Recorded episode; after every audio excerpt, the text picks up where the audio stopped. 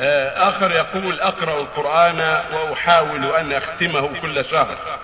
هل أكمل ما وقفت عليه في النهار إذا أردت أن أقوم به في صلاة الوتر يعني القيام في الليل؟ لا بل كل ما وصلت إلى آخر كمل كان سواء في آخر النهار أو في أول الليل أو في أول النهار. يا متى وصلت إلى آخره كمل ثم ابدأ في الختمة الأخرى.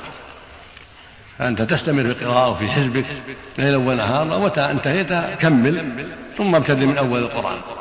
ولا تقول أؤجل هذا إلى الليل لا. نعم السنة أنك تكمل ثم تشرع. نعم.